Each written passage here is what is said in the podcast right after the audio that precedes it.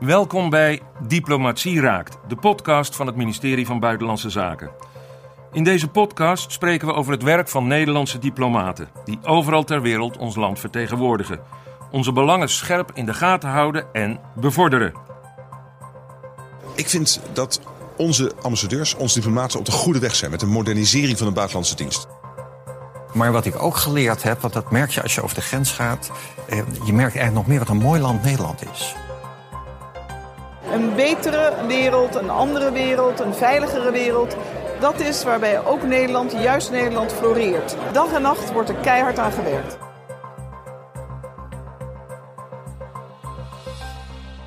Mijn naam is Herman van Gelderen. In het verleden woordvoerder van de ministers Bernard Bot, Maxime Verhagen, Lilianne Ploemen en Sigrid Kaag. Verder werkte ik lange tijd voor tv-programma's als RTL Nieuws, Netwerk en Knevel en Van de Brink. En nu presenteer ik dus deze podcast Diplomatie Raakt. In elke aflevering schuiven hier diplomaten aan. Vaak ambassadeurs, maar soms ook andere diplomaten met een interessante functie. Welk beeld van Nederland zetten zij neer? Hoe doen ze dat en hoe doelmatig gebeurt dat eigenlijk? In een tijd waarin internationale verhoudingen veranderen, waarin oude en vertrouwde relaties niet meer vanzelfsprekend zijn, nieuwe spanningen, maar ook kansen zich aftekenen. Of het nou gaat om orders voor Nederlandse ondernemingen, goed voor onze banen, of over verbetering van mensenrechten in landen waar deze onder druk staan, goed voor de mensen daar, of meer vrede, veiligheid en welvaart wereldwijd, goed voor ons allemaal. De diplomaat anno 2019 is ermee aan de slag en de belastingbetaler anno 2019 wil er terecht resultaten voor terug. Allemaal vragen waarop we proberen in deze podcastserie een antwoord te krijgen. In deze aflevering spreken we met Guido Tielman, consul-generaal in Mumbai, India, en met Koen Sizo, ook consul-generaal, maar dan in Chongqing, China. Trade war worries igniting. Is the trade war back on? As China's economic growth slows, people are looking for the next big driver of growth, and India seems to fit the bill. Welkom Guido en Koen. Dank. Goedemorgen. Goedemorgen. Ehm, om maar meteen te beginnen, wat is in jullie ogen een goede diplomaat? Koen Sizo. Jij trapt af. Uh, een goede diplomaat is iemand die zich uh, uh, zowel kan ver verplaatsen in de denk denkmanier van het land waar hij zit. En heel goed in de gaten houdt voor welk land hij daar zit, namelijk Nederland. En die belangen kan verdedigen door dat, en behartigen door dat goed bij elkaar te brengen. En Guido? Ik denk dat een diplomaat iemand is die heel goed kan netwerken in het land waar hij zit. Die die netwerken ook operationeel weet te maken. En die die netwerken in het land waar hij zit, in de stad waar hij zit, ook weet te verbinden met netwerken die hij in Nederland heeft. Ik denk dat dat heel erg belangrijk is. Daar komen we straks uiteraard op terug. Um, we doen eerst iets anders, de rubriek Het Diplomatieke Paspoort. Jullie krijgen elk een tiental vragen waarop graag een kort antwoord zodat we jullie in vogelvlucht wat beter leren kennen. Daar gaan we. Uh, geboren waar en wanneer? Guido. 10 september 1967 in Eindhoven. Koen? Ook in Eindhoven, maar dan een paar jaar eerder, 63. En wat gestudeerd en waarom? Geschiedenis. Sinologie. En waarom? Interessant, kan je alles mee worden. Koning, premier, premier consul-generaal. Dat klinkt ambitieus. Uh, nou ja, ik ben al consul-generaal, dus dat is, uh, dat is alvast gelukt. Ja. In mijn geval, ik ben altijd geïnteresseerd geweest in, in de Oost, in de Oriënt, China, India, Indonesië. En ik heb boekjes gelezen van Robert van Gulik, rechter T. Misschien dat een aantal van de luisteraars die nog kennen. En die hebben mij zo geïnspireerd dat ik dacht van, weet je wat, ik ga Chinees studeren. Um, Guido, als we kijken naar je carrière, maar dan ook in vogelvlucht. Noem eens een aantal plekken op waar je hebt gezeten. Ik heb in Brussel gezeten, waar ik heb gewerkt voor de permanente vertegenwoordiging bij de EU. Ik heb twee keer in, uh, in China gezeten. Mijn allereerste plaatsing was in Peking, 95, 99. Ik heb ook in Chongqing gezeten, waar Koen zit. Ik heb het consulaat-generaal daar mogen oprichten. En ik heb in Macedonië gezeten, um, in, op de Balkan. En nu natuurlijk in, in Mumbai. Koen? In uh, Shanghai ben ik begonnen. Uh, daarna in Cuba, uh, een paar jaar in Nederland, onder andere bij Protocol. Uh, toen in Colombia, Afghanistan en nu Chongqing. Kortom, zeer divers, zoals dat eigenlijk bij het ministerie van Buitenlandse Zaken hoort. Ja, nee. Um, ik, denk dat je gaat kijken naar mijn, mijn zogenaamde carrière. Dan zitten er een aantal belangrijke pistes. Eén is um, de Europese Unie. Ik heb ook hier op het departement twee keer gewerkt met Europese Unie-aangelegenheden. Um, en een andere piste is handelsbevordering, investeringsbevordering. En als derde rode lijn is dat, is dat toch wel de Oost. Is dat uh, China, India. Zitten er bij jou, zeg maar, punten in die steeds terugkeren, Koen? Nou ja, ik heb, uh, met, ik heb regelmatig uh, handelsbevordering gedaan. In, uh, in China dus nu twee keer. Maar ook in Cuba. Maar daar deed ik ook mensenrechten. Dus de koopman en de dominee in één persoon verenigd. in Colombia meer handel, maar daar speelde toch ook nog een hoop politiek. In Afghanistan natuurlijk vooral politiek, daar deden we weinig handel. En ik zit graag in landen waar, je, nou, waar, waar, niet, waar, waar ik op vakantie niet zou komen. Jullie favoriete hobby? Koen? Ik heb een aantal jaren uh, op uh, wedstrijdniveau geschermd. Nederlandse ploeg gezeten. Uh, en dat, dat is eigenlijk altijd wel gebleven als hobby. En hoe is dat in China, het schermen? Het wordt, het wordt gek genoeg steeds, had ik niet verwacht, het wordt steeds populairder als een soort van sport voor de, de, de middenklasse. die, die het, die dat, het, is, het, is een mooi, het is een hele mooie sport, dat vind ik zelf ook. Uh, en uh, en het, is, het ziet er mooi uit. Dus uh, dat wordt, het wordt steeds verder opgebouwd. Jouw favoriete hobby, Guido? Mijn favoriete hobby is hiken, um, te voet of te paard. En dat gaat goed in Mumbai? Nee, dat gaat in Mumbai niet. het is lastig om in Mumbai rond te lopen, weinig trottoirs. Uh, je kunt dus niet, niet echt heel makkelijk bijvoorbeeld van huis richting kantoor lopen. En paardrijden, het kan wel. Je hebt een prachtige racecourt in, um, in, in, in Mumbai waar ook polo wordt gespeeld. Alleen gedurende de dag is het, is het zo heet dat je niet kunt paardrijden. Dus je moet of heel vroeg in de ochtend, rond een uur of vijf, te paard gaan. Of s'avonds laat. En ik ben geen ochtendmens en s'avonds heb ik vaak dingen te doen. Dus helaas heb ik die hobby moeten laten varen. Jullie grootste ergernis, Guido? Beetje flauw, maar dat is Ajax. Omdat ze het niet goed doen of omdat je voor Feyenoord of PSV bent? Ik ben, een, ik ben geboren in Eindhoven. Ik ben een fervent uh, PSV'er. Uh, uh, hoe, hoe, ouder ik word, hoe fanatieker ik word. Ik kan me nog herinneren dat vorig jaar, toen PSV de kampioenswedstrijd thuis moest spelen tegen Ajax, dat ik in mijn eentje voor de tv zat met een flesje bier en heel fanatiek PSV zat toe te juichen. Ja, en Ajax is natuurlijk altijd het beste team dat nooit kampioen wordt. Dat moeten we afwachten.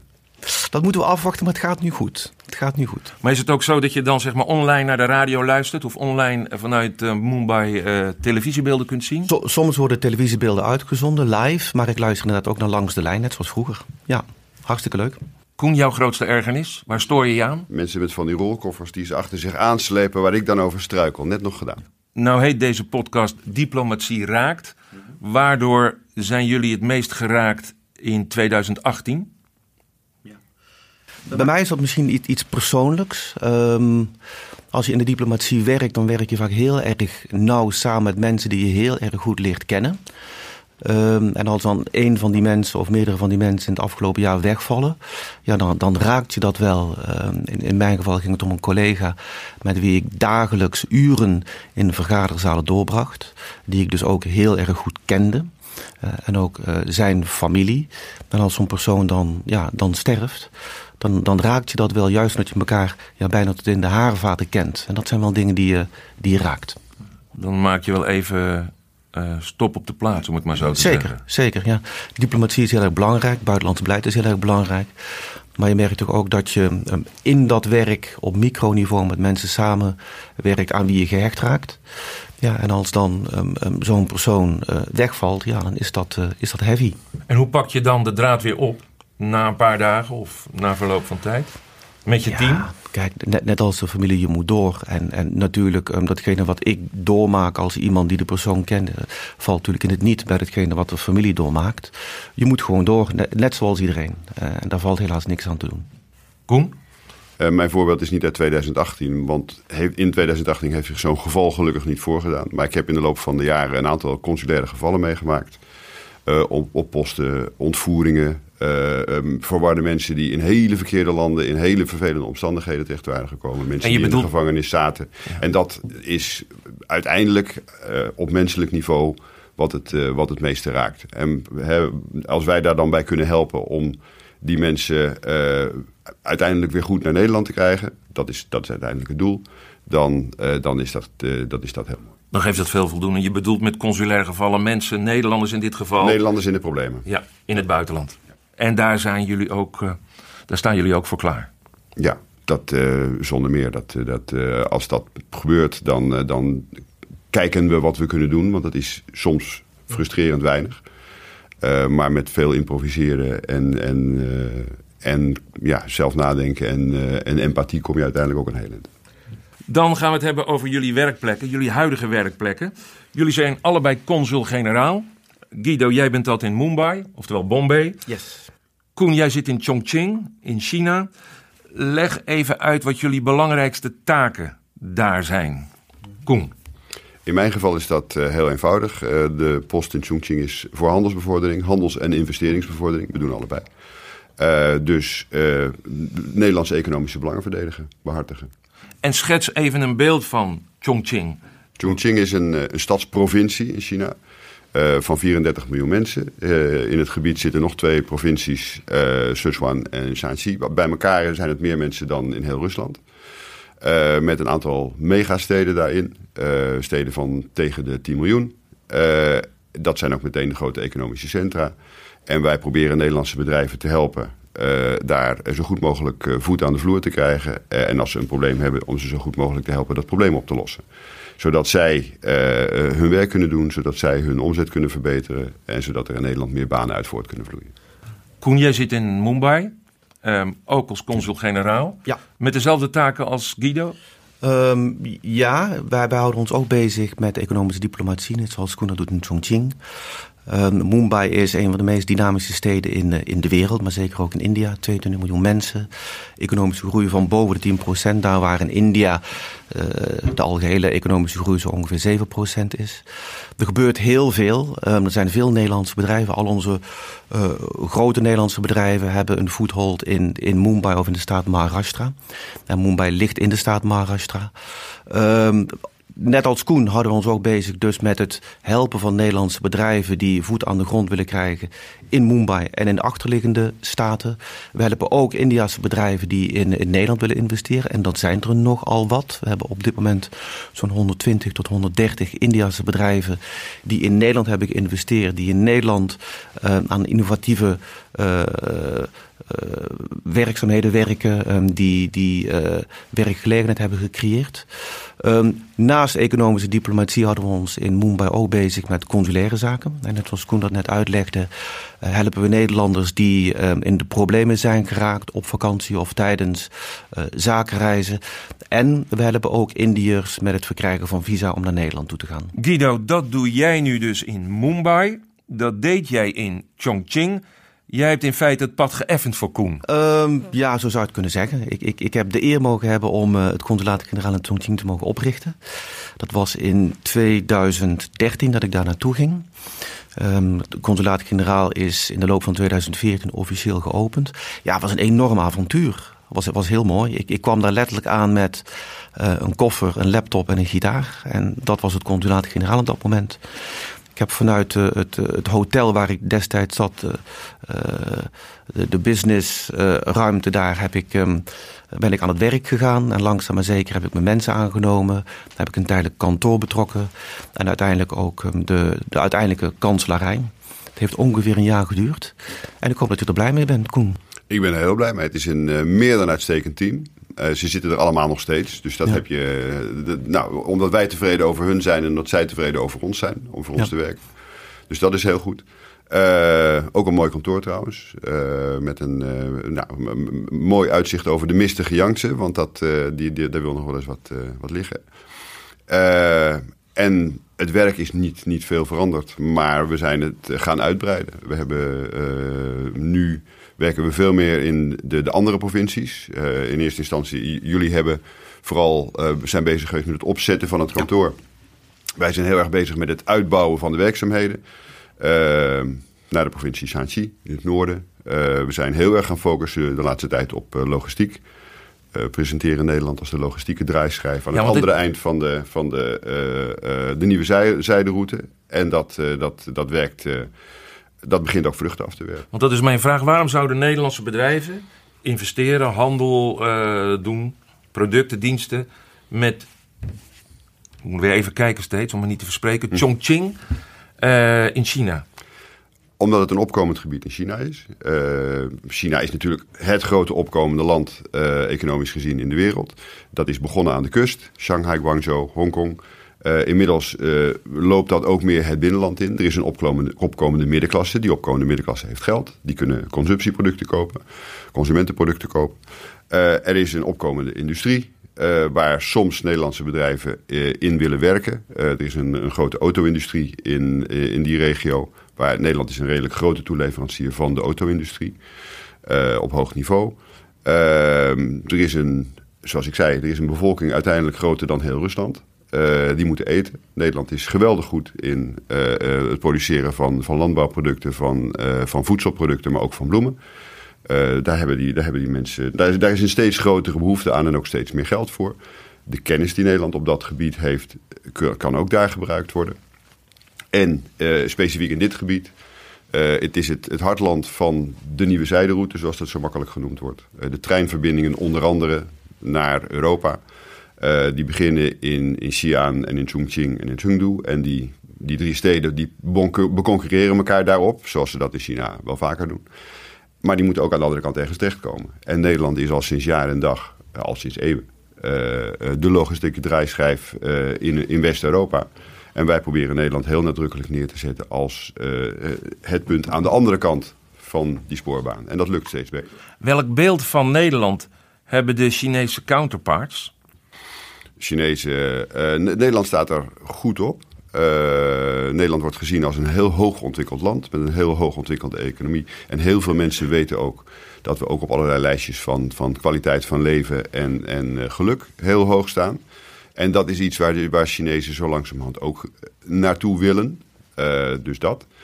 Uh, maar ook een land dat een hele hoge, heel ontwikkelde technologie, heel, heel goede kennis van zaken heeft op allerlei gebieden. Uh, de Nederlandse melk is in China wereldberoemd. Als je Nederlandse babymelk, melkpoeder, is heel veel gevraagd. Maar ook allerlei Nederlandse technologie en allerlei Nederlandse vindingen en, en uh, producten op, op hoog niveau. Uh, kun je daar heel goed kwijt. Er zijn steeds de, bijvoorbeeld bedrijven met in milieutechnologie die daar nu bij ons in het gebied aan het werk gaan. dus aan de hoge kant van, van de ontwikkeling goed, betrouwbaar en, en innovatief. Nou hebben we jou gevraagd om een geluidsmuziekfragment mee te nemen. Ja om daar even naar te kijken en over te kunnen praten. Dat kunnen de luisteraars allemaal terugzien eh, via onze sociale media eh, van het ministerie. Ik stel voor dat we even naar een stukje luisteren, want het is wel heel opmerkelijk.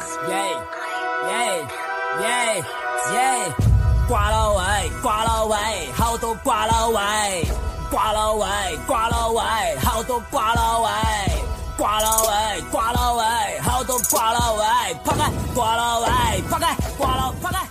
Mijn Chinees is buitengewoon slecht. Mhm. Maar er wordt hier door de Chinese rappers iets gezegd van fuck off you foreigners. Ja, nou er wordt, er wordt, uh, er wordt gezegd, het, gaat, het nummer gaat over stomme buitenlanders. De reden waarom ik het gekozen heb, is om een paar dingen. Eén, uh, Chengdu, wat in ons gebied ligt, is, uh, is, heeft zich de laatste tijd ontwikkeld tot een, een centrum van rap. Chinese rap. Chinese rap dat, is daar ook heel populair. Dus niets, menselijks is ze vreemd. Uh, waar dit nummer vooral over gaat, is over uh, een bepaald type buitenlanders waar hij uh, zich kennelijk nogal aan ergert. Namelijk die volgens hem naar China komen, terwijl ze in hun eigen land niks gepresteerd hebben. Daar zich eerst als Engelse leraar of wat dan ook vestigen en er dan vervolgens met de meisjes vandoor gaan. en daar ergert hij zich aan. Dus zoals gezegd, niets menselijks is uh, ook de Chinezen vreemd. Uh, en ook rap kan daar behoorlijk agressief uh, tekeer gaan. En rap is ook populair daar. Net zo goed als in ja, dit, dit, dit, Ik hou de Chinese hitlijsten niet bij. Maar uh, dit, is niet een, dit is niet een wereldhit in China. Maar het is wel een nummer dat, dat, dat, dat bekend is. Dus ja, het, het bestaat. En zo'n zo'n subcultuur en ook dat soort gevoelens bestaan ook in China. Het, het, het, is, het is net een echt land. Hoe staat de overheid daar tegenover, tegen dit soort uh, muziek? Nou, dit, dit is behoorlijk subversief. Dit eh, wordt niet, eh, dit, eh, wordt niet, eh, dit wordt niet eh, ondersteund door de overheid. Dat kun je rustig aannemen. Maar het wordt ook niet bestreden, dan wel verboden. Het wordt. eh, nou, ik, ik hou de Chinese websites op dit gebied niet bij. Maar de, de af, nee, deze verdwijnt, deze verdwijnt van. Deze weet ik zeker. Deze is eh, al heel vlug van, van eh, de, het Chinese intraweb verdwenen. Guido, Yes. jij spreekt Chinees. Ja. Klopt het allemaal wat Koen heeft verteld? Ik, ik, ik moet je toegeven dat ik geen idee heb wat die mensen zeiden. Want dit is een Sichuanese dialect en het is onverstaanbaar. Ja. Interessant is wel dat dit dus beschikbaar is op YouTube. Ja. En niet op de Chinese sociale media. Dat is wel een interessant punt om even, even op te duiden. Zeker. Ehm Bombay, jouw, eh, Ja. jouw plek. Ehm, schets ook even wat jullie daar doen. Ja, nou wat ik net zei, we houden ons bezig met economische diplomatie en consulair. Als je gaat kijken naar de hoofdmoot van ons werk, dan is dat economische diplomatie. En dan zie je eigenlijk dat Nederland en India een hele goede match zijn. Er zijn heel veel dingen die wij in Nederland heel goed kunnen, die wij kunnen, kunnen produceren, maar expertise die we hebben, die ze in India nodig hebben. Koen had het net over logistiek, hij had het dan over binnenlandse logistiek, waar we ons in Mumbai, maar ook verder aan de Indiase westkust op richten, is eh, havenlogistiek. Eh, we hebben natuurlijk onze haven van We hebben de haven van Amsterdam. Daar zijn een aantal bedrijven die doen aan vrachtvervoer, maar er zijn ook een aantal bedrijven die zich bezighouden met het maken van haveninfrastructuur, grote consultants. Dus een van de, eh, de prioriteitssectoren waar we naar kijken is, is havens en haveninfrastructuur. Landbouw is ook een hele belangrijke een sector waar we naar kijken. Ehm, het is wel zo dat ehm, de Indiase markt voor landbouwproducten die rechtstreeks vanuit Nederland naar India worden uitgevoerd, dat is lastig. Daarvoor is die markt nog zeer afgeschermd. Maar als je gaat kijken naar landbouwinputs, als je gaat kijken naar zaden, als je gaat kijken naar productietechnologie, als je gaat kijken naar kassen en naar kennis, daar is in India ontzettend veel, veel behoefte aan. Dus landbouw is ook een, een sector waar we naar kijken. Creative industries is iets waar we naar kijken. Eh, Bombay is natuurlijk de stad van Bollywood. Daar zit heel veel entertainment achter. Heel veel internet eh, content. Eh, veel Nederlandse bedrijven zijn ook op dat vlak actief. Dus ja, we zijn een, he- een hele goede match. Ehm, India en Nederland. Ehm, ik was een paar jaar geleden nog in Bombay met minister-president Rutte. Ja. En toen was er een presentatie van een project waarbij de stad een aantal kilometers de Indische Oceaan in zou worden Ja. ja, verplaatst, zou je kunnen zeggen, door, door landwinning. Ja. Nederlandse bedrijven eh, zouden daar een rol kunnen spelen. Ja. Heb je het echt over een megaproject? Klopt. Met, met, met spoorlijnen, met uiteraard eh, bedrijfsterreinen, huizenbouw. Maken Nederlandse bedrijven daar nog steeds een kans? Zeker, zeker. Het project waar je ehm, op wijst is waarschijnlijk de Coastal Road. Ehm, net zoals heel veel steden in Azië en ook in India ehm, heb je ontzettend veel verkeer in het stadscentrum. Nou, wat de, de autoriteiten van Mumbai voor ogen hadden is door een overpass en een underpass te proberen om die verkeersopstoppingen te lenigen. Ehm, nou, daar is dat Coastal Road project voor. De, tijdens het bezoek van eh, de premier in 2015 is er ook een MOU getekend tussen Nederland en de staat Maharashtra. Maharashtra is de staat waar de stad Mumbai in ligt. Ehm, Nederland heeft een heel mooi concept neergelegd, een integraal concept, dat in het Engels heet Building with Nature. Eh, waarbij ze niet alleen keken naar de infrastructurele effecten van het project, maar ook naar de effecten voor de lokale bevolking, ook naar eh, de natuur, ook naar de manier waarop de stad er daarna uit zou zien. Ehm, helaas heeft dat integrale project niet gehaald, maar er zijn wel degelijk Nederlandse bedrijven betrokken bij onderdelen van dat project op dit moment. Dus ehm, ook daar ja, pikken Nederlandse bedrijven een graantje mee met landwinning en met eh, het leveren van expertise. Eh, Guido, aan jou hebben we gevraagd een aantal foto's mee te brengen over jullie werk daar. Eh, ik zie hier een man in een soort van eh, uitstalling eh, zitten, om, Ja. omgeven door producten. Maar jij weet precies eh, Ja. wat hier te zien is. Vertel eens. Ja. Nou, dit is bij ons de, de groenteboer om de hoek. Ehm, Een foto die door mijn vrouw gemaakt is. Ehm, je, je, ziet een man in een, in een typisch Indiase witte klederdracht met een, eh, met een Nero-petje op. Ehm, hij zit op een kratje. Ehm, in de verte zie je ook een heel mooi altaar. Dat denk ik is gewijd aan de godin van de welvaart Lakshmi. En hij is omringd door zijn producten, uien, tomaten, een weegschaal, bloemkool, eh komkommers, et cetera. En dit is een heel leuk plaatje, vind ik tenminste, omdat deze man ontzettend trots is op de manier waarop hij zijn spullen verkoopt. Um, mijn vrouw had hem gevraagd of, hij, of zij hem mocht fotograferen. Dat was geen enkel probleem. Maar het geeft ook een beetje aan wat wij als Nederland kunnen. Uh, wij kunnen natuurlijk de Indiërs helpen om de producten die hier verkocht worden, de bloemkolen en de wortels en de uh, de paprika's en dergelijke, om die nog beter, nog efficiënter te cultiveren. Met Nederlandse technologie, met Nederlandse zaden, met Nederlandse kassen. Zodat deze man um, hopelijk ook um, in de toekomst um, dit soort producten kan blijven uitbaten. Nou zijn zowel India als China landen waar de overheid een behoorlijke vinger in de pap heeft als het gaat om de economie en het zakenleven. Hmm. In hoeverre belemmert dat, bemoeilijkt dat Nederlandse ondernemers? In hoeverre worden lokale ondernemers, vaak een verlengstuk van de overheid, niet bevoordeeld? het level playing field, het gelijke speelveld, daar hoor je heel veel over. Dat dat er bijvoorbeeld in China niet is. Ja. We beginnen, maar we beginnen even met jou ja. in India. Nou, een, een, van de grootste verschillen die, die, ik, die mij opvielen toen ik vanuit Chongqing naar India ging, was dat ik verwachtte dat in India de overheid eenzelfde um, belang had in de economie als in, als in China. En dat is toch een stuk minder. In, in, in India is de private sector, zijn de bedrijven, een stuk autonomer dan in China. Um, je hebt hele grote bedrijven als TCS, als Wipro. Dat zijn internationale multinationals. De Tata, de Tata Groep.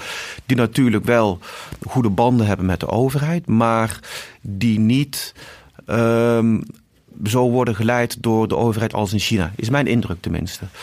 Um, dus dat, is een hele interessante uh, uh, wat zou ik zeggen, observatie die ik heb kunnen maken.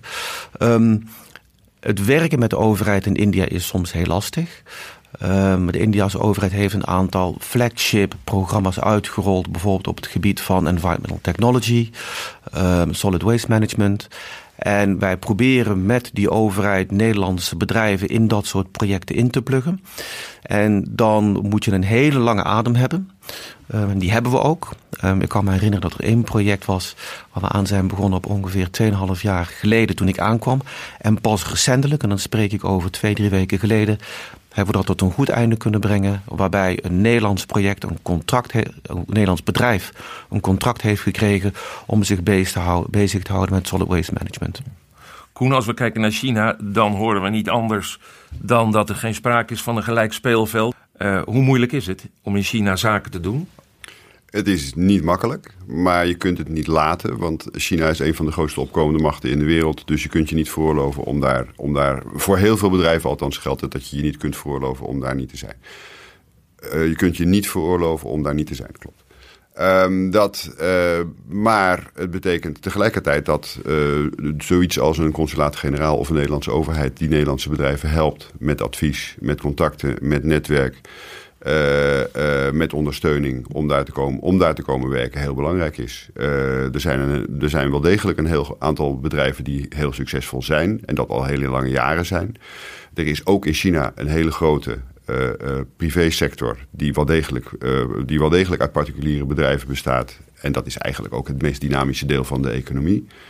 Maar makkelijk werken in China is het niet. China is geen land om. Het is not for the faint-hearted, zoals, dat, uh, zoals je dat kunt zeggen. Ik hoor veel geduld, veel doorzettingsvermogen, veel tact ook. Hm. En dan uh, uiteindelijk is er een kans dat het uh, gaat slagen. Zeker. Ja. Die kans is er zeker. En Nederlandse bedrijven zijn al sinds eeuwen hartstikke inventief. En om allerlei. Uh, moeilijkheden uh, te overwinnen. Dus dat, en dat kunnen, kunnen, ze ook in China en dat kunnen ze ook in India. Als we even kijken naar concrete resultaten, kunnen jullie die dan kwantificeren? Met hoeveel procent is de handel met Chingchong gestegen de afgelopen vijf jaar? Maar zo werkt het niet. Uh, wat uh, wij doen is bedrijven ondersteunen. Het uiteindelijke werk moet door de bedrijven zelf gedaan worden. Dus, het, maar zie je een toename van het aantal overeenkomsten, contracten? Ja. Wat ik, wordt gesloten. Wat ik zie is dat in eerste instantie waren wij heel erg bezig om Nederlandse bedrijven überhaupt maar bekend te maken met uh, de regio West-China. En wat we nu zien is dat steeds meer Nederlandse bedrijven daar zelfstandig opduiken, dan naar ons komen en zeggen: uh, uh, wij, wij, zijn hier, wij zijn bezig met een partner. Kunnen jullie ons, kunnen jullie ons helpen? En dat kunnen we, dat kunnen we dan inderdaad, daar kunnen we dan een rol in hebben. Maar uiteindelijk het werk zelf het is twee dingen die heel nauw samen uh, gaan. de bedrijven zelf zullen het uiteindelijk af moeten maken. Maar het voorbereiden, de, de, de, de, de, de grond ploegen en de, en, en de, de contacten leggen. de, de eerste stappen zetten, dat, dat gaat vaak samen met ons. En die twee dingen die werken helemaal samen. En dan zie je duidelijk een toename Daar zie ik een, in het werk. Zeker. Nou, ik denk dat het heel lastig is om te kijken naar export- en importcijfers en dan daar zeg maar de resultaten van het werk wat je doet te ontleden. Dat, zo, zo werkt het inderdaad niet, dat zegt Koen net ook.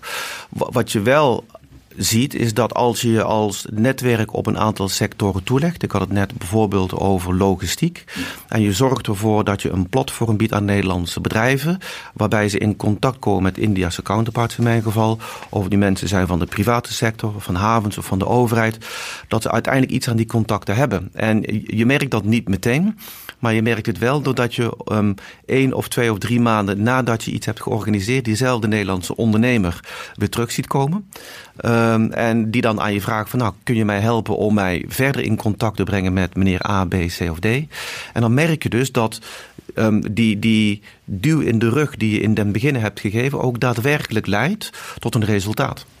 Eerste, die, ja? die trein tussen Chengdu en Tilburg die rijdt inmiddels ja. drie keer in de week. En ja. ze gaan naar vijf. Dus uh, dat is een heel concreet resultaat. Ja. ja. eerst de contacten, dan de contracten horen we dan altijd. Ja, precies. We kunnen het paard naar de rivier leiden, maar het moet zelf drinken.